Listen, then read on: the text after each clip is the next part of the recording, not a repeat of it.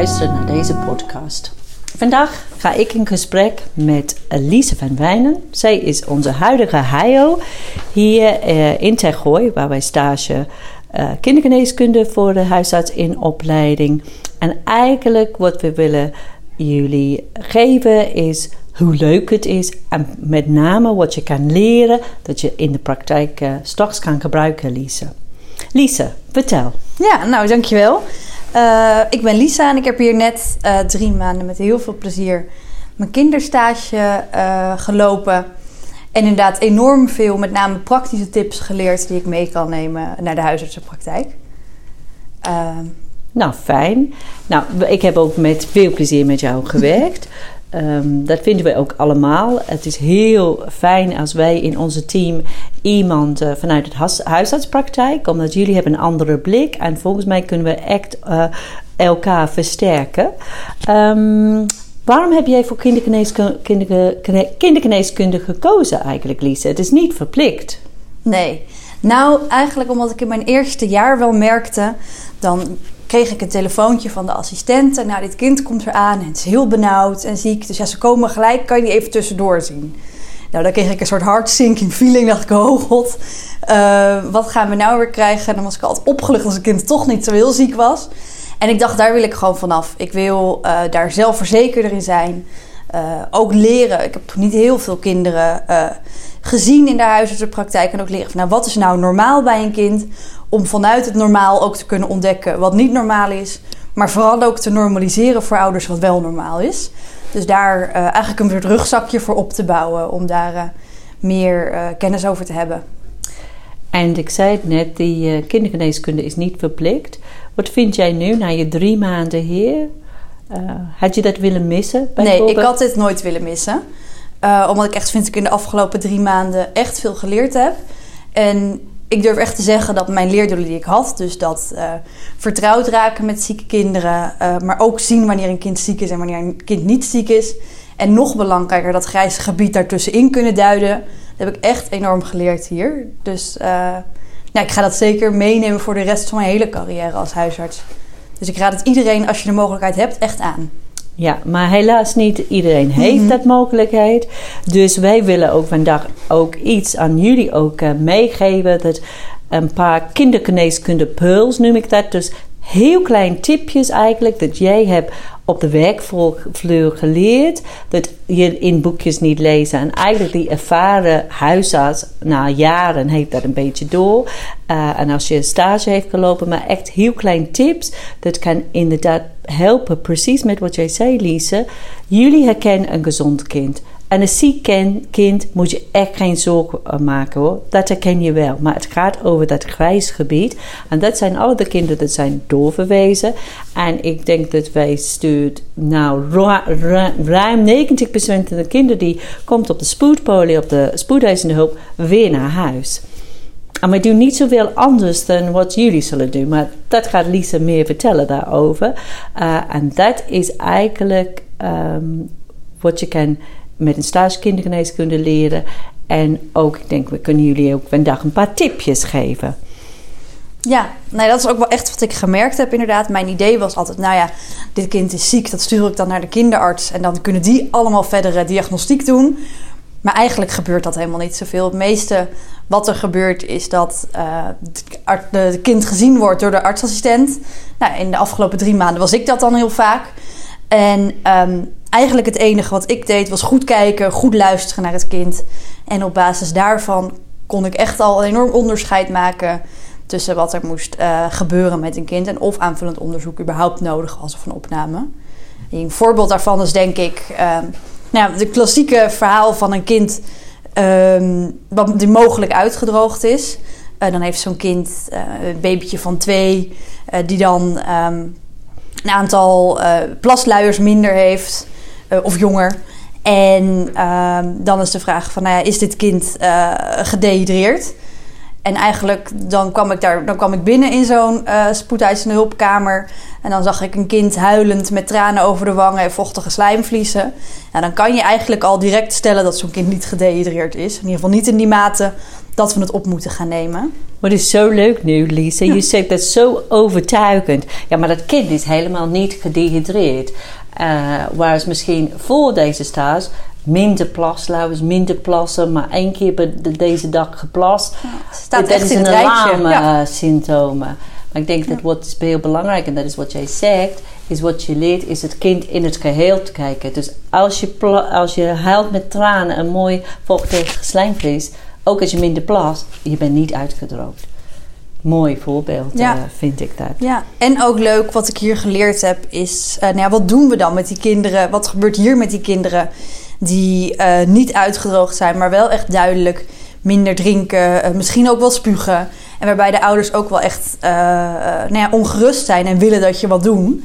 Wat heb je nou in de huisartsenpraktijk dan nog voor tools? Ehm, nou, ik heb hier ook geleerd dat een, als een kind ORS drinkt, dan is het hier wel op zijn plek op de spoedeisende hulp. Eh, want dat doen ze eigenlijk pas als ze bijna uitgedroogd zijn of dreigen uitgedroogd te raken. Eh, en wat dan een goede, goed alternatief is voor in de huisartspraktijk is verdunde appelsap. Dat is wel echt iets wat ik meeneem. En als een kind spuugt, kan je ook overwegen om één keer Zofran te geven. Niet herhaaldelijk. Eh, want als het kind blijft spugen, dan moet er toch goed naar gekeken worden. Wil je dat niet maskeren? Maar één keer Zofran en verdunde appelsap, ehm, dat is een hele goede eerste stap als huisarts eh, in de huisartspraktijk. Nou, mooi. Dus als we dat samenvatten voor de dreigende dehydratie, dat is echt heel veel van onze doorverwijzing. Eh, als het kind huilt met tranen en vochtig slijmvlies, ondanks het niet goed plast, is het niet uitgedroogd. En in de huisartspraktijk, verdunde appelsap werkt echt veel beter dan ORS en eh, een keer Sofran. Ja, En ik denk dat dan voorkom je veel voor ver- verwijzing. En ook vaak de kinderen, wij zien hun niet meer terug. Dus blijkbaar gaat het goed. ja, Nou, dat is een heel mooi voorbeeld. Maar iedereen is altijd bang van de benauwde kind. Zeker de baby's. En dat was jij ook. Ja. Benauwd. Oh jee, hoe lang duurt het voordat het kind helemaal instort? Dat is ja. heel, altijd heel veel angst daarbij. Ja. En eh, de famous is natuurlijk intrekken. Als je intrekken ziet, dan is er nog meer angst. Als je dat niet vaker hebt gezien. Dat je denkt, nou, het kind is echt benauwd. Maar volgens mij heb jij ook een paar heel mooie tipjes geleerd. Dat je kan ook meenemen. Ja, nou ik heb toevallig vanmorgen nog een benauwd kind gezien op de spoedeisende hulp, wat inderdaad ook introk. Een eh, baby van een maand of acht. En wat ik hier geleerd heb, is dat die echt relatief snel intrekken. En wat hier dan heel leuk was bij dit meisje, zij dronk namelijk ook gewoon op de spoedeisende hulp, maar ook thuis. Eh, gewoon haar fles en ze nam er speen. Ehm, dus dat was voor mij gelijk een teken van, hé, dan is ze blijkbaar toch niet zo benauwd. Eh, ondanks dat ze intrekt. Ehm, en verder als een goede saturatie. Het is natuurlijk heel lastig om te meten in de huisartsenpraktijk. Uh, maar los daarvan heb je eigenlijk wel genoeg tools zoals eh, de saturatie, of, de, eh, dus of ze goed drinken, de kleur van zo'n kindje, zijn ze vrolijk, zijn ze alert, wat is de ademhalingsfrequentie, is ook heel belangrijk, wat hoor ik over die longen, Eh, waarbij dan niet hoe meer geluid, hoe zieker, Eh, want een kindje kan gewoon enorm veel geluid maken. Ehm, maar dat je eigenlijk daar heel veel tools hebt om te kijken hoe ziek is het nou een kind. En nou eigenlijk net als met die dehydratie, als een kind alleen intrekt, maar verder is het goed, eh, dan mag dat bij een jonge baby echt nog wel. Waarbij je natuurlijk wel rekening moet houden dat intrekken bij een kind eh, van rond de 10, 12 echt wel een laat symptoom is. Dan moet je je wel eerder zorgen maken. Nou, dat is een heel goeie. Inderdaad, intrekken ziet indrukwekkend uit en je maakt zorg. Maar bij een jong baby, daar hoef je helemaal niet zorgen te maken. Bij een ouder kind is het echt een red flag. Uh, je bent echt uitgeput als je intrekking ziet. Dat klopt heel goed. Dus weer denk ik, de les is, neem het geheel. En um, ik denk dat dat is ook een heel goede bruggetje over dat saturatiemonitor. Want jij weet, iedereen komt hier, de verpleegkundige op de spoed, saturatie is gemeten. Maar dat heb je niet in de huisartspraktijk. Nee. Maar denk je dat je dat nodig heeft? Nee, want eigenlijk heb ik hier niet één kind gezien waarvan die slechte saturatie had, waarvan ik het niet al gezien had toen ik binnenkwam. Precies. Uh, en of het dan uh, 90 is, 85, ja, dat maakt dan niet meer uit uh, wat het, waar het precies is. Maar je, je leert wel zien uh, wanneer een kind slechte saturatie heeft. Dat zie je echt. Precies. Dus eigenlijk ook in de huisartspraktijk denk ik, als je het gaat meten, moet je gewoon de goede apparatuur voor. Ja. Dus als je iets niet voor een baby heeft, of een kleinkind dan niet meten. Nee, dat precies. kost meer verwarring. En wat jij hebt geleerd, je ziet het aan het kind. Dus een kind met een lage saturatie, die gaat niet goed drinken. Eh, die heeft echt respiratory distress. Ja. En ik denk ook, wat is ook heel vaak het angst, is dat kinderen he- hebben geen reserve. Die gaat, nou ja, als je 's ochtends niet goed handelt, misschien zijn ze doodsmiddags. Ja, dat Is dat gedachte van jou ook nog steeds zo? Nou, niet meer. Maar dat is natuurlijk wel wat je leert. Of wat je misschien niet eens leert, want ik heb dat denk ik nooit in een boek echt zien staan. Maar dat is toch een beetje wat je dan hoort. Van ja, maar bij kinderen, die hebben weinig reserves en die kachelen opeens in. Ehm, en eh, nee, dat zou ongetwijfeld zijn dat ze in kunnen kachelen. Maar niet van helemaal gezond naar heel erg ziek. Maar van gewoon al best wel ziek naar nog veel zieker. Dat laatste stukje gaat snel. Maar het stukje van dat grijze gebied naar diep het rode gebied, om het zo maar te noemen. Ja, dat gebeurt gewoon niet zo 1, 2, 3 is mijn ervaring hier nu. Precies, dus als je een kind die intrekt maar goed drinkt, hij gaat minder drinken voor hij gaat in, instorten eigenlijk. Ja, Dus dat is ook een heel goede manier. De ouders te waarschuwen wanneer ze moet aan de bel weer trekken. Dat moet je ook inbouwen Ja. in de huisartspraktijk zeker. ook. Ja. Daarmee. We hadden het ook over Ventolin geven. Dat zal je ook anders doen, begrijp ik van jou. Ja, nou ja, eh, en dat is helemaal niet volgens onze standaard. Maar wat ik toch merkte bij mezelf en ook wel bij collega's, is dat we vrij laagdrempelig eh, Ventolin geven als we iets over de longen horen. Ehm, en ik heb hier wel geleerd dat niet elk kind, zelfs als het piept, reageert op eh, Ventolin. Eh, dus een goede tip die ik hier meegekregen heb is: ehm, geef Ventolin, dan minimaal twee pufjes, want één is geen. Ehm, en zet het kind dan nog even 15 minuten in de wachtkamer om te herbeoordelen eh, of je Ventolin effect heeft. Want als het daarna nog steeds piept, dan eh, geef je eigenlijk ouders het idee dat je een middel geeft wat gaat werken, maar doet het helemaal niks. En is, is er dus ook geen luchtwegvernauwing, dus is zo'n Ventolin ook helemaal niet nodig. Eh, maar dan, dan heb je het wel al gegeven. Ehm, dus dat is denk ik goed om echt wel te kijken van nou ja, als het niet helpt na een kwartier, hoef je het ook niet voor te gaan schrijven. En de andere kant van het als je natuurlijk een kind uiteindelijk hebt wat wel benauwd is, waarvan je wel zegt, dit kind piept enorm en ik wil deze gaan, gaan eh, insturen, eh, dan kan je ook gerust alvast Ventolin geven. Ehm, en dan kan je ook wel minstens vier puffen in één keer geven. Want dat heeft me ook hier wel heel erg geholpen. Als ik een huisarts had gehad die dat al gedaan had, was een kind ongeveer een half uur later bij mij op de spoedeisende. Kon ik gelijk kijken, heeft dit effect ja of nee? En eh, hoe lang houdt het effect aan? Want soms helpt vier keer puffen heel goed, maar gewoon niet, niet zo lang dat het voor ouders houdbaar is om dat te blijven doen thuis. Dus eigenlijk helpt dat juist bij de beoordeling en vertroebelt het helemaal niet. Ja, dus eigenlijk eh, je advies is Ventolin geven, maar altijd beoordelen het effect. Ja. Omdat natuurlijk niet alles dat piep is door bronchusobstructie. Want je kan piepen doordat je slijm in je longen, whatever. En als je een kind hebt met een astma-exacerbatie, een bekende astma of een kind dat je denkt, dit is de eerste astma-exacerbatie, je wil sowieso insturen, geef al vier pufjes voor je naar het ziekenhuis. eh. dan helpt je dat kind ook. eh. Ja. Ook als ze thuis hebben van alles wat gebruikt. Want soms is de techniek on- onvoldoende. Nou, ik denk dat die zijn heel goede tips eigenlijk Ja. vanuit het eh, acute kindergeneeskunde. Dat Mhm. jullie zien heel veel overdag en zeker op de hap. Ja, Maar we hebben ook eh, in, omdat de, de stages ook ingedeeld dat je ziet alle spoedpatiënten op de spoedpolie, dus deze categorie. Maar je hebt ook eh, iedere week je eigen poli. ja, En eh, in de kindergeneeskunde, de top 5 DBC's zijn hoofdpijn, buikpijn, vermoeidheid, ehm eh, residuerende bovenste luchtweginfecties en in ons ziekenhuis ook ADHD.